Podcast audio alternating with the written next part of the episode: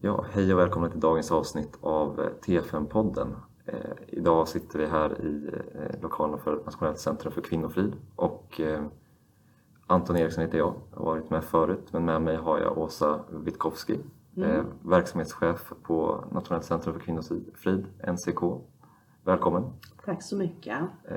Och välkommen till Nationellt centrum för kvinnofrid. Det känner mig verkligen välkommen. Det är underbara lokaler ni har, Mm. får man säga. Mm. Eh, det ligger i ingång 17. Stämmer bra. Och så har vi patientverksamheten på ingång 18. Så att när man kommer till vår kvinnofridsmottagning så har man en egen entré som patient. Men ingång 17 är den stora entrén då som är för besökare, studenter, personal. Och då har vi dels en verksamhet på bottenvåningen där är en kvinnofridsmottagning som vi har haft sedan starten av Rikskvinnocentrum 1994. Och så har vi den nationella stödtelefonen Kvinnofridslinjen som i fjol besvarade över 42 000 samtal från våldsutsatta. Och sen har NCK också en tillhörighet på universitetet där vi har eh, forskning, utbildning, en stor informationsverksamhet och försöker vara en länk till praktiker så att det vi vet eller ser i forskning ska vi också kunna föra ut så att det blir möjligt för yrkesverksamma att ta del av den senaste forskningen för att den som är utsatt för våld får bästa möjliga omhändertagande till exempel. Just det, det är en ganska central del när man kollar på er hemsida i alla fall. Mm. Den här kopplingen mellan akademin och eh, Mm. verkligheten, sjukhuset. Ja, Den blir tydlig när ni ligger här på, Ja. på sjukhuset som ni gör då. och för oss är det värdefullt att ha närheten till sjukhuset eftersom vi både går som konsulter till avdelningarna eller möter upp patienter på akutmottagningen eller gyn. Så att för oss är det också väldigt viktigt att vi har en närhet till patienter och personal inte minst. Så att tanken med NCK är att vi ska kunna vara ett stöd och verka för en god samverkan så att man som student eller yrkesverksam tar kontakt med oss eh, även om man inte är kvar i Uppsala efter sina eh, år på läkarprogrammet. Just det. Så att, eh, precis, och första gången man får information, i alla fall på kliniken, är ju under termin fem. Mm. Jag vet inte hur det var på de prekliniska delarna. Det kom nog inget då. Nej, jag tror att det är tillfället under termin fem som känns som en bra inledning till det här ämnet. Det är en bra introduktion. Och sen följer vi upp det under termin nio. Ja, Ja. precis. Så Så tanken är att det ska vara lite att det passar in i övrig Mm. utbildning och att man också känner sig motiverad och ser, ser den här stora samhällsfrågan eller jämställdhetsfrågan som vi på olika sätt och försöker driva för att våldet ska upphöra. Precis. Och det är ju eh, något som eh, vi kommer att prata om också då. Hur vanligt eh, förekommer det Mm. överallt på, Mm. inom vården Mm. och inom samhället Mm, också såklart. mm, Men eh, det är inte bara på till exempel termin 9 och Nej. kursen då det är aktuellt utan Nej, även akuten eller egentligen alla verksamheter. ja det stämmer. Alla Eh, möter våldsutsatta. Ja, och eh, eh, det var väl också något sådär som, som jag hade fått, eller fick med mig från termin 5 i alla fall. Att man kunde, man kunde höra av sig till, alltså, eh, till NCK eller Kvinnofridslinjen mm. även som professionell Mm, eller student för mm, att fråga om mm, råd mm. hur man ska Mm, eh, gå vidare. Det Mm. kommer vi kanske också tillbaka mm, till. Mm. Men eh, om vi ska kanske bara börja med ett litet historiskt perspektiv då, och kanske internationellt om vi sätter det, det arbetet ni gör nu lite i kontext på något sätt. Ja. ja, det är viktigt för att förstå varför vi arbetar som vi gör i Sverige. Och Då brukar vi säga att deklarationen som FN antog 1993 var väldigt tydlig att man skulle arbeta för att våld mot kvinnor skulle avskaffas. Och Sverige som medlemsland skulle försöka uppfylla det målet och bestämde sig då för att ett nationellt centrum skulle bildas. Och det var grunden för det som då var Rikskvinnocentrum eh, och som sen har utvecklats till att bli ett nationellt centrum för kvinnofrid. Sen har Sverige varit väldigt aktiva i det här arbetet och har en väldigt skarp lagstiftning också. Så 1998 så antogs kvinnofridslagstiftningen av en enad riksdag. Mm. Och det var jag vet första och enda gången det har hänt att man har varit överens om en proposition. Eh, och sen har arbetet fortsatt drivas genom att vi har undertecknat andra deklarationer som Istanbuldeklarationen till exempel. Och vi har också eh, arbetat med frågan med, FN och Världshälsoorganisationen till exempel. Och hela tiden så är det som en röd tråd i det här arbetet att hälso och sjukvården, tandvården också, har en möjlighet att göra mycket för att identifiera våldsutsatta kvinnor och ge dem möjligheter och alternativ så att man kan lämna sin destruktiva relation eller få stöd på annat sätt. Så att man har hela tiden pekat ut vården som en nyckelgrupp så att därför har det varit så värdefullt för oss att ha en klinisk verksamhet och kunna ligga på eh, Akademiska sjukhuset. Det ger oss en trovärdighet också. Just det. Men det låter på dig ändå som att det var ett, eh, ett stort eh, steg i det här arbetet var när man bildade ett, nationellt centrum, ja. även om det hette något annat ja. initialt. Att ja. det var en viktig skiljelinje ja. kanske. Det var mer oorganiserat innan arbetet då eller? Ja, det fanns inte i den här formen och man kan säga att NCK idag är ett unikt centrum. Det finns inte en motsvarande verksamhet i världen. Så att vi är ju väldigt internationellt eh, iakttagna och bevakade för man vill se hur Sverige kan kombinera som vi gör i det här fallet klinik och forskning, akademi och, och, och landsting. Så att det gör att vi är väldigt intressanta och har en hög legitimitet både i Sverige men också eh, i andra länder för man funderar väldigt mycket över hur världens mest jämställda land som vi ofta kallas arbetar med den här frågan mäns våld mot kvinnor. Och där är ju NCK en motor i det arbetet. Mm. Så att det, det, har varit, det har sett ut på ett annat sätt men, men 1993 var verkligen ett startskott med den okay. deklaration som antogs. Jag antar att Sverige lär inte varit det enda landet som skrev under den nej, deklarationen nej. utan nästan alla, eller många andra ja, länder. Men, hur, men hur har det skötts arbetet på andra platser? Vet du något om det? Det ser väldigt olika ut och man behöver inte gå särskilt långt utanför Sveriges gränser för att se att det är en annan lagstiftning och kvinnor har inte en lika stark roll och man är inte lika jämställda. Så att det, det finns ju många europeiska länder där kvinnans ställning är betydligt svagare. Så därför ska vi vara väldigt rädda om det här arbetet med kvinnofrid som Sverige bedriver och vi ska vara väldigt glada för att man försöker förstärka lagstiftningen som man har gjort till exempel med kvinnofridslagstiftningen där man har lagt till stalking och kontaktförbud senast.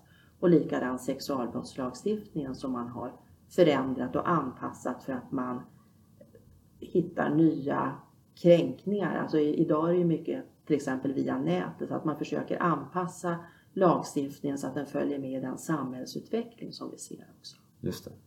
Okej, okay, så det, det skiljer sig mycket internationellt men att eh, Sverige ändå är i princip unikt då globalt att ja, ha ett så tydligt ja, center. Ja, det skulle jag vilja beskriva det som att Sveriges arbete är unikt och vi får ofta stå modell för annat arbete när det gäller mäns våld mot kvinnor där NCK har till exempel tagit fram spårsäkrinsatsen och annat som vi kan mm. komma in på när vi pratar mer om det konkreta ja, det. Eh, patientarbetet man är intresserad av att se hur vi arbetar systematiskt och strukturerat och det har vi varit ganska bra på när vi har fått regeringsuppdrag att omsätta det i det här som jag började med att säga, den här tydliga kopplingen mellan att göra forskning till konkret verktyg för praktiker. Mm.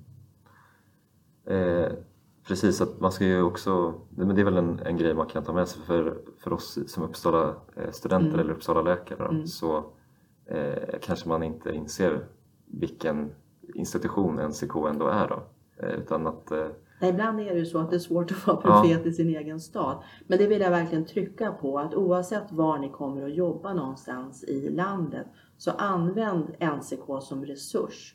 För det finns otroligt mycket på våra webbsidor, precis som du sa, det här tilltalet som, som vänder sig verkligen till den som är yrkesverksam. Att mm. Här kan du hitta mer, du kan fördjupa och leta mer på vår kunskapsbank eller på våra webbstöd eller ladda ner rapporter och forskning som vi har gjort. Så använd er verkligen av den möjligheten och ring Kvinnofridslinjen när ni är ute och, och, kanske inte riktigt är bekanta med den region dit ni, där ni gör er AT eller mm. det. Så, så kontakta Kvinnofridslinjen för direkt stöd i patientärendet. Just det. Ja men det är en jätteviktig poäng tycker jag också. Eh, om vi ska gå in lite då kanske på för er som har sett det så ju, eh, har vi ju dels en hel del, en del föreläsningar och moment i schemat eh, och i målbeskrivningen som rör just mäns våld mot kvinnor och våld i nära relationer.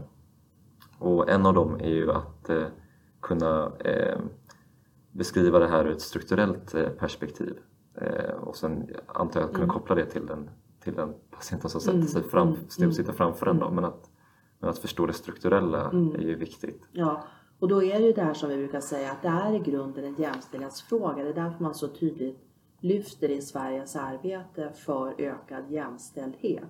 Man pratar om en könsmaktsordning, det som är FNs definition av våld. Att det är fysiskt, psykiskt och sexuellt våld eller hot om sådana handlingar. Och så ska man då kunna omsätta det till den patienten som man ser framför sig. Och då gäller det att förstå de här processerna som ligger bakom om man har varit så utsatt och blivit så förminskad att i en situation där man har möjlighet att berätta om eller söka hjälp och få stöd så kanske det inte är så lätt eftersom man känner sig så man är i en sån underordnad position som patient som det är när, när ni läkare träffar kvinnor att, att man har svårt att ta emot den hjälp som erbjuds och det kan ju upplevas väldigt frustrerande att här, här har vi ett helt batteri med, med, med förslag och möjligheter och sen den som sitter framför oss tackar nej till det erbjudandet. Så det gäller att förstå de mekanismerna också. Men det är i grunden en jämställdhetsfråga och vi pratar mycket om att det är mäns våld mot kvinnor är ett hot mot, mot kvinnors mänskliga rättigheter. Det är det yttersta. Det är det som gör att den här frågan är så stor och lyfts så globalt. Just det. Med alla de här, du har pratat om FNs Ja, deklarationer ja, och ja. Istanbulförordningen. Och, Ja, det är väldigt, väldigt tydligt att det är det perspektivet som vi ska försöka då eh, göra till något konkret i mötet med den kvinna eller barn som vi har framför oss som är utsatt för våld. Just det. Och utifrån det kanske man kan komma in på något sätt på att diskutera ett annat mål, nämligen att diskutera processerna och eh, mekanismerna, ungefär så är målet formulerat, Mm. som är kopplat till våld. Mm. Och då kanske man kommer in på samma sak, så att det är en, en jämställdhetsfråga. En, en väldigt tydlig jämställdhetsfråga men också att förstå det som möjliggör våldet eh, och att den när, när, när, man möts och, och, och det blir det här mötet eh, mellan kvinnan och som det ofta är en manlig partner att det är väldigt passionerat oftast och att den personen sen övergår i en ökad kontroll och därmed en ökad isolering. Så de tillfällen när kvinnan har möjlighet att träffa kompisar och behålla sin gamla identitet minskar ju längre relationen pågår. Så det är också viktigt att förstå de mekanismerna som möjliggör att man plötsligt är utsatt för fysiskt våld, någonting som de allra flesta tycker att jag, jag skulle gå vid första slaget. Och då glömmer man bort att det första slaget har föregåtts av en väldigt lång period av isolering när man har utsatts för kränkningar och kanske hot. Så till slut så har man inte så mycket självkänsla kvar. Man är inte längre den starka tjej eller kvinna man har varit utan man har brutits ner och, och har eh, accepterat den bilden av sig själv som, som att man, man gör ganska ofta fel och det är inte särskilt bra det man gör och man tappar självkänslan helt enkelt. Och man har också förlorat sitt sociala nätverk. Det visar ju också all forskning att förutom att våldet är fysiskt och psykiskt så förlorar man eh, väldigt mycket av de sociala kontakterna och man förlorar också tilliten eftersom den man älskar eller har älskat gör en så illa så att man har svårt att lita på andra människor även om de försöker vara öppna och, och, och bjuda in till samtal eller erbjuder stöd så är det inte säkert att man, man litar på, på någon ny relation. Nej, just det. Så det var flera, flera eh, saker som kom upp där. Ja. Det låter att du, du pratar om en initial liksom, isolering Ja, ja. och sen kanske normalisering Ja, av, eh, av det här absurda Ja, våldet. jag visste att det plötsligt blir någonting som man accepterar. Att gränsen har förskjutits så gradvis så att man märker inte att sånt som jag aldrig skulle acceptera för fem år sedan eller för tre år sedan, det är vardag för mig idag. Därför att jag har varit med om någonting ännu värre. Ofta är det ju så kvinnan beskriver det när man frågar om våldet att, att hon kanske inte, hon jämför ju så hon tycker inte att det är så allvarligt att man har blivit knuffad för hon tänker på den gången när, när det svartnade för ögonen. Så att det blir väldigt svårt på det sättet när, när man pratar med någon som är våldsutsatt. Så man ska ha det här lite i bakhuvudet Mm. hela tiden. Och sen också det som kommer efter normaliseringen om man då inser att jag måste lämna den här relationen. För det tillfället kommer ju ofta när man inser att det kan bli en, en fråga om liv och död om jag stannar i den här relationen. Och man försöker lämna det som är uppbrottsprocessen när våldet kanske eskalerar och ändrar karaktär. Då är det ju väldigt, väldigt, väldigt stor risk för att det blir ett värre våld.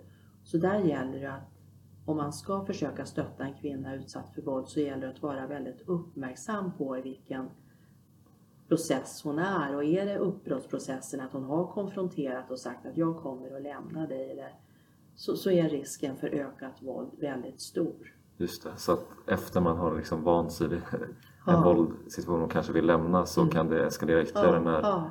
när partner då inser ja. att det här kanske... Nu håller jag på att förlora ja, kontrollen över henne. Så måste man öka våldet för att Så, så blir det ett ökat hot. Mm. Eh, så, att det ser vi att de, de perioderna är oftast väldigt farliga för kvinnan, mm. hotfulla.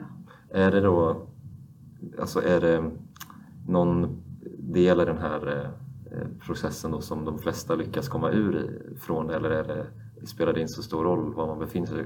Eller förstår du min fråga där? Mm. Om det är någon del i kedjan där man är lättare att få någon att lyckas lämna det, en skadlig relation? Det finns ju alltid något tillfälle när det är liksom windows of opportunity och ja. det är svårt att säga när det är för varje enskild individ. Jag hade en gång kontakt med en kvinna som sa att första gången jag fick frågan om våld så svarade jag nej. Men sen så förstod jag på reaktionen hos den som hade frågat att det är ganska vanligt att man svarar ja på den frågan. Så nästa gång jag fick frågan så svarade jag ja också ja. Och jag har fått jättebra hjälp. Så att no någon gång så är tiden mogen. Antingen är det för att någon fortsätter knacka på, på, på den där ytan och skrapa och säga att jag, jag kan hjälpa dig. Det kanske är en kompis eller en kollega eller en chef eller vem det är som, som inte ger upp utan signalerar att om du behöver hjälp så finns jag. Eller så kanske det är det här tillfället som jag sa, att man känner att det här börjar verkligen bli allvarligt, riktigt, riktigt farligt. Jag är rädd att jag kommer att bli dödad. Och då kanske man eh, minns att man har fått frågan eller minns att man har sett ett nummer till kvinnofridslinjen eller kvinnojouren eller tänker polisen eller hur man resonerar. Och då tar man det steget för man tänker att nu, nu eller aldrig. Men sen finns det också en fas när man är ambivalent, när man jag har mött kvinnor som har sagt att du kanske inte tycker att jag är klok men jag har gått tillbaks för, för barnen valde, valde honom. Då de stannade och jag står inte ut en jul och eh, nyår till utan att jag får vara med min familj. Så jag kommer att flytta tillbaks till dem. Trots att man har lämnat och insett att man kan eh, leva ett liv fritt från våld men man tycker ändå att man gör en förlust. Eller att man tycker att det jag utsätts för nu när jag är förföljd och ståkad är värre än att leva med våldet när jag ändå har en viss kontroll över de svängningarna som är. För, för det varierar ju, en relation består ju mm. inte bara av våld utan det är ju också perioder när det är eh, mycket förlåtelse och man känner sig uppskattad igen innan man känner att nu håller det på att trappas upp igen. Så att, så att det är ju kanske inte bara våld utan det är ju väldigt mycket annat och man inser att det här är en person som jag vill förstå mm. eller vill hjälpa eller som jag har barn tillsammans med eller som jag är ekonomiskt beroende av eller tvärtom som är ekonomiskt beroende av mig. Jag kan ju inte bara sticka från det vi har byggt upp tillsammans. Och, och i den där trassliga härvan så ska man försöka mm. få, få, energi och ork och, och kanske lämna relationen men man har ju fortfarande ett behov av att förstå vad man har varit utsatt för för att kunna gå vidare och verkligen lämna relationen. Ja, det får mig faktiskt att tänka på ett eh, patientfall eh, som, mm. från tiden när jag jobbade på psykiatrin. Mm. Just det här med att, eh, eh att den ekonomiska aspekten, ja, eller den, den, biten, det var en, eh, en relativt ung kvinna som hade, ja. liksom var väldigt framgångsrik så ekonomiskt och karriärsmässigt. Mm. Som hade fastnat i en, en ganska destruktiv eller väldigt mm. destruktiv mm. relation eh, där det inte verkade vara något fysiskt våld inblandat. Nej. Men där eh, mannen i fråga då hade eh, liksom var, väldigt, var mm. starkt ekonomiskt beroende mm. av mm. den här kvinnan och hade liksom dyra levnadsvanor. Visst. Och eh, det var liksom, jag tror att det handlade om hundratusentals kronor mm. han hade lånat av henne följt liksom sitt uppehälle Ja. mer eller mindre. Ja. Och sen bara dragit och liksom hela den... Ja. Eh, ja, det är ju också ett, ett våld man kanske inte... Absolut, Nej, men också den sorgen, det här som jag sa att, att den man har tänkt sig en framtid med och så känner man sig så sviken och så lämnad så att det, det blev inte som man hade tänkt sig och, och man kanske också skäms inför sina gamla kompisar eller sin familj. Mm. Och just det där du sa att eh, man inte... Det består inte bara av, eh, av eh, våld och alltså ett psykologiskt Nej, våld heller utan nej. det är ju, var ju andra aspekter som Ja, höll kvar Ja, Det är också liksom Ja. den här relationen såklart. Men, eh, nej, men det, det var det, Precis, för då kommer man tillbaka till det där du sa med att det finns ett fönster kanske när man är som Mm. mest mottaglig. Mm. Att då är det väl eh, återigen, och som du sa, att man kan upprepa att visa att Ja, man är ja. mottaglig och vill hjälpa. Att ja, då ökar man ju chansen att man träffar en period när någon är mottaglig och vill berätta eller vill få hjälp. Eller, eh, så det är väl också en viktig poäng som jag har fått med mig från läkarprogrammet Ja. och eh, från psykiatrin kanske framförallt. Att eh, komma ihåg och vara noggrann med att komma ihåg och fråga Mm. eh, om Mm. våld och Mm. våldsutsatthet. Mm. Ehm, ja men precis att om vi bara ska repetera lite där, vilka, Mm. vilka processer var det vi pratade om? Vi pratade om isolering, normalisering, Normaliseringsprocessen och uppbrottsprocessen. Men också kring det här att våldet är cykliskt. Ja, det kan vara perioder som gör att man trots allt stannar i en relation som är så här destruktiv. För man när ju hela tiden också ett hopp att det var kanske sista gången. Ja. Innan det blir, byggs upp och blir, blir våld igen. Så att det, det gäller att förstå det lite för att kunna förstå patienten man har framför sig. Eller kompisen eller grannen eller vem man, det nu är man samtalar med. Just det. Och eh, det var väl en bra ingång där med att det inte bara är vården såklart Nej. utan det är ett samhällsproblem. Mm, mm. Eh, för ett av de andra eh, målen som vi har är att man ska känna till ungefär förekomsten och eh, ja, förekomsten av Mm. våld i nära relationer. Mm, Eh, och det är ju väldigt vanligt. Mm. Det är ju det jag har tagit med mig. Mm. Jag kommer inte ihåg några exakta siffror just nu men det finns ju. Ja, Mycket och egentligen statistik. tycker jag att det är svårt med siffror så att egentligen är det bättre att säga att våldet är vanligt och allvarligt. Och vi vet genom våra studier att det är vanligare med våld under graviditet än högt blodtryck och diabetes under graviditet. Så att man tänker på det som en siffra som man kommer ihåg istället för att man har ett antal och, och, och nollor och så som man ska minnas.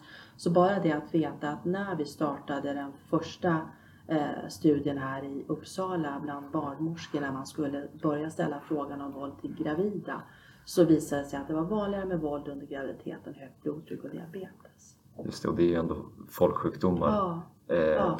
Framförallt diabetes kanske. Absolut. Så det är ju det är väl väldigt bra att ha Ja. någon sån Så det är lite så här mellan Enklare. tummen och pekfingret så att man förstår att man träffar dagligen kvinnor utsatta för våld. För sen kan man prata om de här, eh, var tionde kvinna är utsatt för våld och jag har sett väldigt höga siffror om man tittar internationellt på hur många som har varit utsatta. Jag tror man pratar om var tredje kvinna i ett livstidsperspektiv har varit utsatt för fysiskt, psykiskt eller sexuellt våld.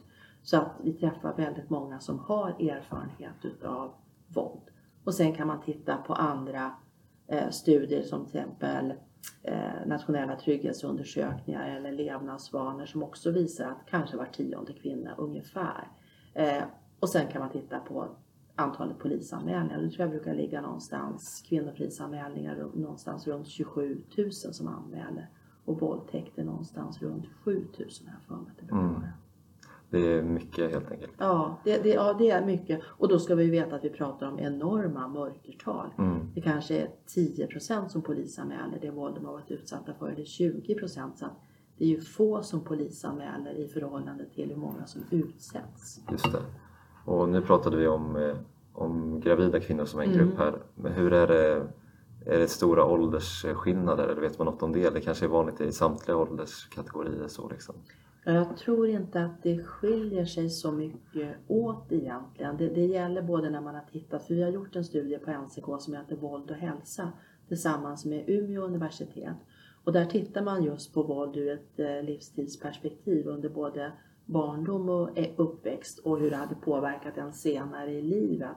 Och det visade sig att hade man varit utsatt för våld under uppväxten så var ju sannolikheten att man var utsatt för våld senare i livet större, för sårbarheten var större. Och så visar det också de allvarliga konsekvenser som våldet gav i form av sämre fysisk och psykisk hälsa till exempel. Så eh, ja, det. det ser nog ut så. För jag kan tänka mig också eh, att det är en... Ja, men du pratar ju om det här med att det är en jämställdhetsfråga Mm. och, och hur eh, lagstiftning eh, har förändrats Mm. och det bygger ju ofta på eh, vi, ja, en attitydförändringar i samhället Ja. också. Ibland kommer de innan, ibland kommer de efter och sådär. Men, men jag kan tänka mig att eh, min farmor till exempel kanske har en annan definition än Ja. många som växer upp idag har och sådär. Absolut.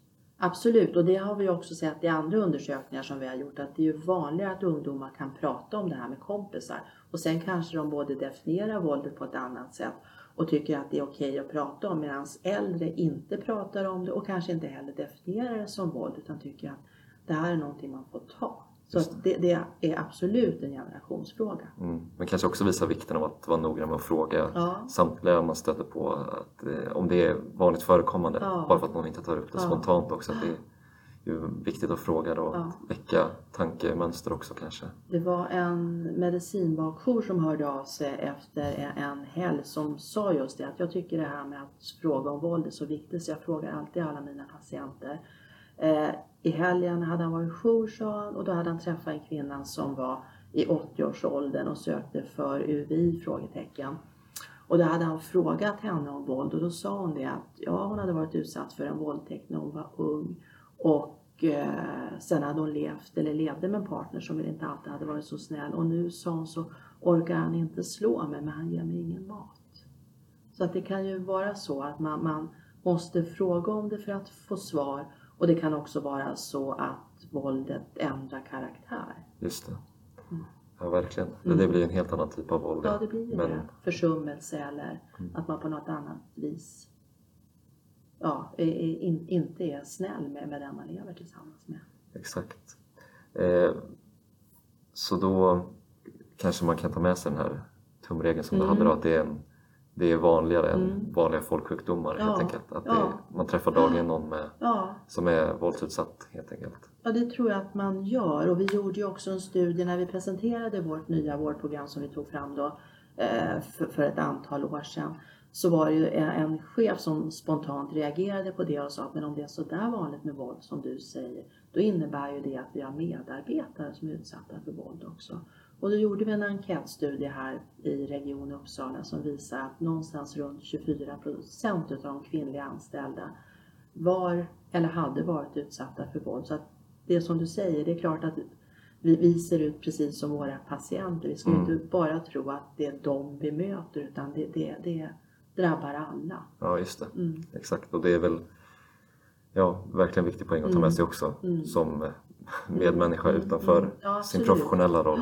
Och då kan man väl också egentligen höra av sig till Kvinnofridslinjen. Jag menar, det är väl inte Absolut. för det är tvärtom, Nej, utan det är nej. väl väldigt låg tröskel vad jag Visst, förstår att höra av sig. Visst, det är det som verkligen är tanken eftersom vi vet att det kan vara så svårt att ta det där steget att identifiera sig som utsatt för våld. Det, det är ju inte någonting som man vill.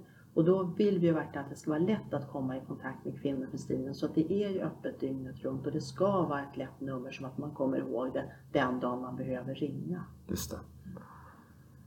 Ja, och då nämnde vi lite snabbt bara det här med hur eh, att du hade, man hade sett att eh, våldsutsatthet eh, gav sämre fysisk och psykisk hälsa. Mm. Är det några speciella eh, saker som är vanligare då om man har blivit våldsutsatt eller är det generellt bara sämre hälsa? Eller är det vissa sjukdomar som ökar i frekvens? Och, Ja, det är nog generellt. Det, det kan ju både vara att man inte får ta sin, sin hypertoninmedicin till exempel. Eh, eller att man får en smärtproblematik så att man är eh, patient på, på, på smärtan här. Eller som du sa, att man, man är, eh, har kontakt med psykiatrin. För där vet vi att det är överrepresenterat. Eh, och sen kan det ju också vara så att eh, ja, det, vi vet att det är vanligare med, med depression, högre läkemedelskonsumtion, både smärtstillande och eh, annat. Så att, egentligen så, så är det ett generellt sämre hälsostatus som vi ser. Och också kanske sämre möjligheter att sköta sin hälsa också. Så att man, man har inte samma möjligheter till rehabilitering eller fysisk aktivitet eller, eller vad det nu är. Och kanske också ett riskbruk vad gäller alkohol. Okej, det har man också Ja, sett det, att det... ja, det ser man också. Eh, och, och det finns också studier som visar på motsatsen. Att eh, den som lever i en relation där det gäller att hänga med i de här sväng, svängningarna och avläsa sin partner. Där kanske man inte vågar dricka alkohol överhuvudtaget. Just det, fast man inte själv... Nej, Man kan inte förlora den kontrollen. nej, nej Just det.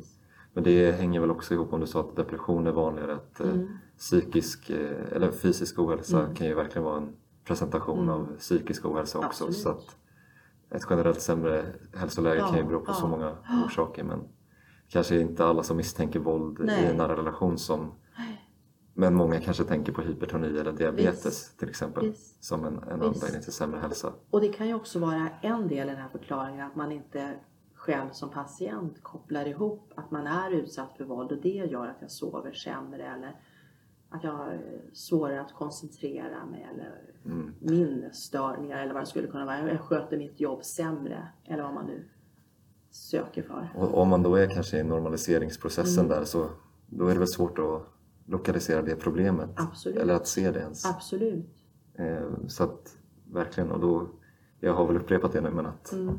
det är väl det jag har tagit med mig. Att Ja. återigen att fråga, liksom, att Ja. visa på Ja.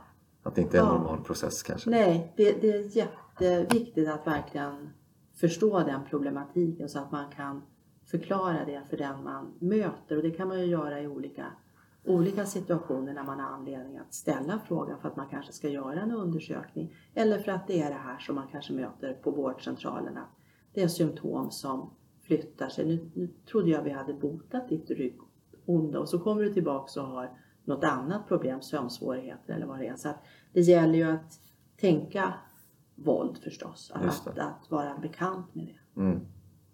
Exakt, för då kanske vi kommer in på lite mer konkreta eh, frågor här nu på, mot slutet av avsnittet. Mm. som, där vi har mål som rör eh, dels eh, vad man har för, ja, vad det står i hälso och sjukvårdens vad, liksom, ansvar att göra. Mm. Men även eh, hur man då ställer frågor eh, som en del av Mm. anamnestagning Ja. som eh, vårdpersonal eller student. Ja, då är det ju så att väldigt mycket regleras i hälso och sjukvårdslagen som är en portalparagraf och som ju ganska det är ganska stort utrymme för tolkning där, där det står att man ska erbjudas god vård till exempel eh, utifrån det, det behov man har. Men den föreskrift som är tydligast, det finns ju en föreskrift 2014 kolon 4 som just eh, reglerar arbetet med, med våld som gäller både för socialtjänstens arbete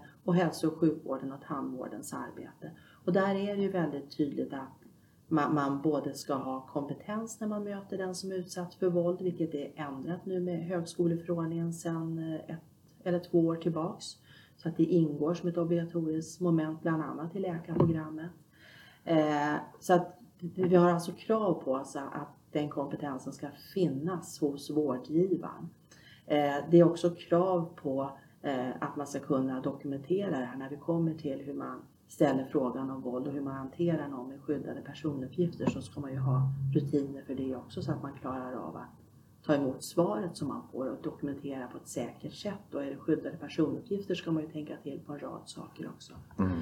Eh, Så att det, det regleras i, i lagstiftning och i föreskrifter vad man har för skyldigheter att göra. Och sen vill ju vi att det ska eh, droppa ner i, i vårdprogram eller rutiner så att man känner sig säker på vad man ska göra inom psykiatrin. Att det ska ingå som en fråga när man gör en utredning eller att man ställer frågan på akuten eller vad det nu är man, man tjänstgör.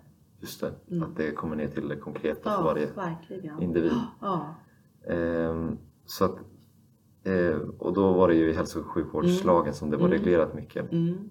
Men, men eh, hur skulle du säga att man kan konkretisera det som står i hälso och sjukvårdslagen då, till, till, eh, till en student till exempel som går nu termin fem som kanske är de som främst kommer lyssna på det här. För de är ju inte, de är ju inte vårdpersonal per definition Nej, kanske men nej. de är ju en del av hälso och sjukvården får man ju ändå säga. Helt klart. Och det är ju ofta så att när man kommer som student så är man ju så oförstörd så att man, man tittar ju verkligen på verksamheterna med nya ögon. Så därför är ju studenter så viktiga i våra verksamheter för man kommer ju och, och betraktar våra rutiner och vårt arbete som vi gör av tradition mycket och då är det ju så väldigt bra att det är någon som ifrågasätter och lyfter in nya perspektiv. Eh, metoo om inte annat var ju en väldigt stor omställning för hela samhället när vi insåg hur många det var som hade varit eller var utsatta för allt från sexuella trakasserier till väldigt grovt våld. Så att det behöver ju vara någon som påpekar för oss att vi kanske ska fundera över eller lyfter in nya perspektiv. Så studenter är jätteviktiga. Och, och då handlar det om att fundera över det här allas rätt till god vård. Hur man ska kunna omsätta det i en situation när man möter en patient som man antingen ser att de inte mår bra, ofta får man ju den känslan att det är någonting som inte står rätt till. Eller så vill vi att det ska vara en rutinfråga så att man alltid frågar den. Jag träffade en gång en läkare som sa just det att jag tycker det är svårt att ställa frågan om våld så därför tränar jag på alla patienter jag möter. Så att man verkligen får in det som en rutin, att man frågar om det precis som man frågar om andra saker som är viktiga för anamnesen. Och det var det som var grunden till att vi fick ett uppdrag som heter någonting om metoder för att identifiera våldsutsatta ungefär. Ett regeringsuppdrag som dåvarande socialminister gav till oss, för hon sa just det att om vi vet att våldet är så här allvarligt, att så många sjukskrivs, jag tror man brukar säga att en i timmen sjukskrivs i Sverige på grund av våld. Eh, och att det ger så allvarliga konsekvenser så vore det naturligt att man i sjukvården identifierade de våldsutsatta när man har kontakt med så många människor som vi har idag. Eh, och i det regeringsuppdraget hade vi då anledning att titta på vad fanns det för verksamma metoder för att identifiera en våldsutsatt och den enda metoden som funkar är ju att våga kommunicera det här. Att ställa frågan eh, på ett eller annat sätt. Ja, jag, jag minns också någon, eh, jag tror att det var termin 9, när vi Mm. hade en föreläsning om just eh, hur man skulle ställa frågan. Mm. Att eh, det egentligen, eller det kontentan var egentligen att just att ställa frågan. Ja, det, ja, det Att- kan man väl säga. Det är det Att- viktiga. Och, och att ja. man då skulle kunna tänka sig, eller för att det var också en, en sak vi diskuterade då i klassen som Mm. att eh, man skulle kunna ta illa vid sig som, när någon Mm. får den frågan. Mm. Men att det hade man sett att det gjorde de flesta inte alls. Eh, det var nästan ingen som rapporterade att det hade varit en obekväm eller konstig fråga utan att de flesta tog det bara helt, helt rätt Mm. som ett så här, ja men vad bra att någon frågade eh, om det här. Att, Mm. För det är ett, alltså, Mm. många, många kvinnor eh, och eh, patienter Ja. eller människor vet om att det här, eller ja, eh, tycker inte att det är en konstig Nej, fråga att få nej, i alla fall. Utan nej. att, utan att om någon frågar så ställer man sig ganska positivt till att man tar det på allvar. Ja. Studier visar ju verkligen att man vill få frågan i kontakt med vården. Det, det, det visar ju jättetydligt och jag tror också det här som du säger att idag är det väl ett ännu mer positivt gensvar på det. För även om jag själv inte är våldsutsatt så är den här information som jag tycker är viktig. Man blir glad att vården tar ansvar för Mm. det här och säger det här kan jag berätta för någon som verkligen behöver veta det. Så att det, det är ju det viktiga att ta med sig att patienten har ingenting emot att få frågan utan tycker tvärtom att det är positivt att det är tillfrågad. Mm. Ju mer vi frågar desto mer får vi veta. Ja, och många av dem jag har, eh, när någon har svarat att de har blivit våldsutsatta eller Mm. eh, det har ju varierat hur kraftigt eller vilken omfattning och så. Ja, Men, men, och det har också varierat i hur de tar emot det men det är ju Mm. aldrig någon som har blivit eh, förnärmad eller Nej. arg utan nej. Det är ju mest hur mycket energi de har att ta tag i det just nu. Ja, Och vissa vill, har velat ha en, ett, eh, en lapp med, med Kvinnofridslinjens nummer. mm, Eh, andra har velat eh, prata om det Mm. där på plats. Mm. Eh, och eh, andra ja, men har, har berättat väldigt ingående. Mm. Och jag har inte varit i läge att man har behövt eh, skicka någon patient hit till mottagning akut. Men det kan ju också hända. det liksom. kan Så- absolut hända och det ska ni också veta. Vi har ju alltid akuttider varje dag. Vi har öppet under kontorstid. Men, men det går alltid att eh, skicka hit en patient då. Eller som du säger, låta patienten ta ansvar för att ta nästa steg. För man kanske säger att det här är så jobbigt att prata om så att det räcker att jag har svarat ja. Men, men visst, Mm. jag kan ringa när, när jag känner att jag behöver det. Precis, och vissa har ju säkert sagt nej som har varit eh, våldsutsatta. Så att jag tänker att det är ett väldigt spektrum där från vad som Ja. kan hända från en sån fråga. Att eh, när, man är, när man ställer frågan så Mm. ska man också vara beredd på att veta kanske vad man kan Ja. göra. Och som student tyckte jag alltid att, eh, och fortfarande såklart, att det är, kan vara svårt att veta vad man ska, vad man ska göra. För att, och, eh, men då, då har jag väl alltid, när jag har ringt eh, Kvinnofridslinjen då, som student eller vårdpersonal så har jag alltid blivit eh, guidad rätt. Ja. Eh, och eh, jag tycker i alla fall att i början innan man är ja, helt bekväm, att det har varit en väldig trygghet att liksom om man är osäker att eh, våga ringa till, till Kvinnofridslinjen vill jag verkligen trycka på. Ja. Och sen en sista grej också som, som kan vara bra nu när ni kommer ut på klinik och ska börja journalföra och sådär. Att det finns dolda sökord också i journalen om, jag bruk, ja, om det är något man tycker inte ska synas på i journalen så finns det en sån rubrik som heter våldsutsatthet i nära Det- relation eller något Det sånt är där. jätteviktigt att framhålla det, för det var också ett utvecklingsarbete som vi drev efter att vi började fråga gravida om våld. Och då gick det att dokumentera i pappersjournalerna och sen kom de elektroniska journalerna och förändrade arbetssättet.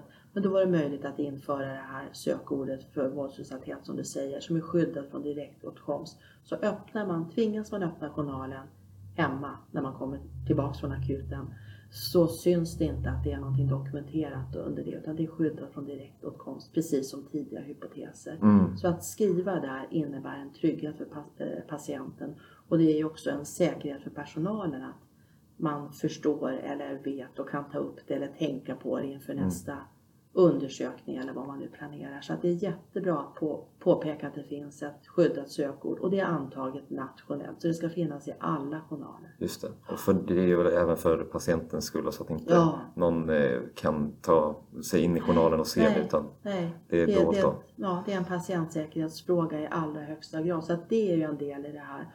Och sen också som du sa att man ska vara beredd på att ta emot svaret oavsett om det är ett ja eller ett nej. För man kan ju bli frustrerad om det är någon som man tror är utsatt för våld som ändå svarar nej på frågan. Eh, men då får man tänka att jag får fråga en gång till nästa gång. Eller jag har startat en process när någon går hem och tänker att jag, jag, jag kanske borde göra någonting. Det kanske syns till och med. Så att jag, jag ska nog ta tag i det här. Och sen som sagt var, får man ett ja så gäller det att man känner till vad man kan göra. Och eh, att ringa Kvinnofridslinjen är ju ett jättebra tips. För det är ju inte konstigt. Många ringer till oss och har eh, telefonen i högtalarläge så att man säger att jag sitter här med en kvinna framför mig som har berättat att hon är utsatt för våld och nu undrar jag hur ska vi gå vidare? mm, Och då får man diskutera det utifrån vad kvinnan önskar. Precis, och det kan ju som sagt då bli allting från att man får eh, en, ett telefonnummer Ja, och så får man ja, gå vidare själv. ja. Eller att eh, visst finns det fall där man har behövt liksom skaffa fram tillfälliga skyddade boenden. Direkt ja, det har Alltså, handlat om att, att eh, åka egentligen. till skydd, ett skyddat boende. För oftast det här som vi börjar med att prata om när- vi märker att våldet förändras. Kvinnan kan ju ofta beskriva det väldigt väl och säga att ja, nu är jag rädd. Det, det, det har verkligen hänt någonting. Jag, jag är rädd för, för att han ska döda mig. Eller att nej, men när något sånt här har inträffat då är han försvunnen i 14 dagar. Så det är inga problem för mig att gå hem efter att det här har hänt. Jag kommer inte att se honom. Så ofta kan kvinnan göra den riskbedömningen själv. Men det är förstås bra om man säger att om det förändras så här är telefonnumret till Kvinnofridslinjen. Så att man känner det själv när man lämnar en patient som inte tar emot hjälp. Att jag gjorde i alla fall vad jag kunde när- när jag hade kvinnan i, i rummet. Just det. Så att eh, avsnittet börjar lida mot sitt slut Ja. tror jag. Och eh, jättetack att du ville ställa upp eh, här på att vara med i podden. Det uppskattas jättemycket och ett intressant eh, och väldigt viktigt ämne eh, som vi i Uppsala då har, om man ska säga, ja, möjligheten eller till att verkligen vara nära ett, ett världsledande Ja. organ i frågan. Ta, ta vara på den möjligheten. Använd er verkligen utav våran kompetens. Det är min uppmaning. För ni gör ett jätteviktigt arbete när ni möter patienter. Som kandidater också förstås. Exakt. Och att den bara sista gång då, att påminna om att våga ställa eh, frågan och Ja, träna, ja. träna på det som ja, du sa. Att, absolut. Våga, våga fråga. För det är otroligt viktigt för den som ni pratar med att man får frågan direkt. och ska vi bara kanske säga numret till Kvinnofridslinjen Mm. en gång också. Mm. oh, nu kan I inte... kvinnofridslinjen så är det 020 50 50 50 och öppet dygnet runt och alltid någon som svarar. Så att det, tanken är att det ska vara en god tillgänglighet så att man får svar när man som bäst behöver det. Och på de flesta, i alla fall akutmottagningar och säkert många mottagningar också och avdelningar så finns det ju små broschyrer på olika språk eh, Ja. att skicka med Ja. eh, patienter om de Ja. hellre önskar det då, ringa själva någon Ja. annan gång. Och skulle det vara så att man inte har just det språket på, på kortet hemma som kvinnan pratar så går det att skriva ut direkt från webben om det skulle vara ett språk som man saknar kort på. Så Och då är det via er hemsida då? Eller? Ja, via Kvinnofridslinjens hemsida. Ja, just det. Så med de konkreta tipsen så tackar vi Åsa så mycket Mm. eh, och eh, önskar er en trevlig eh, valborgshelg om en Mm. annorlunda. En annorlunda ja, men, men det är också lärorikt. Ja, tack och Mm. eh, på återhörande. Mm. Tack själv, tack. Hej!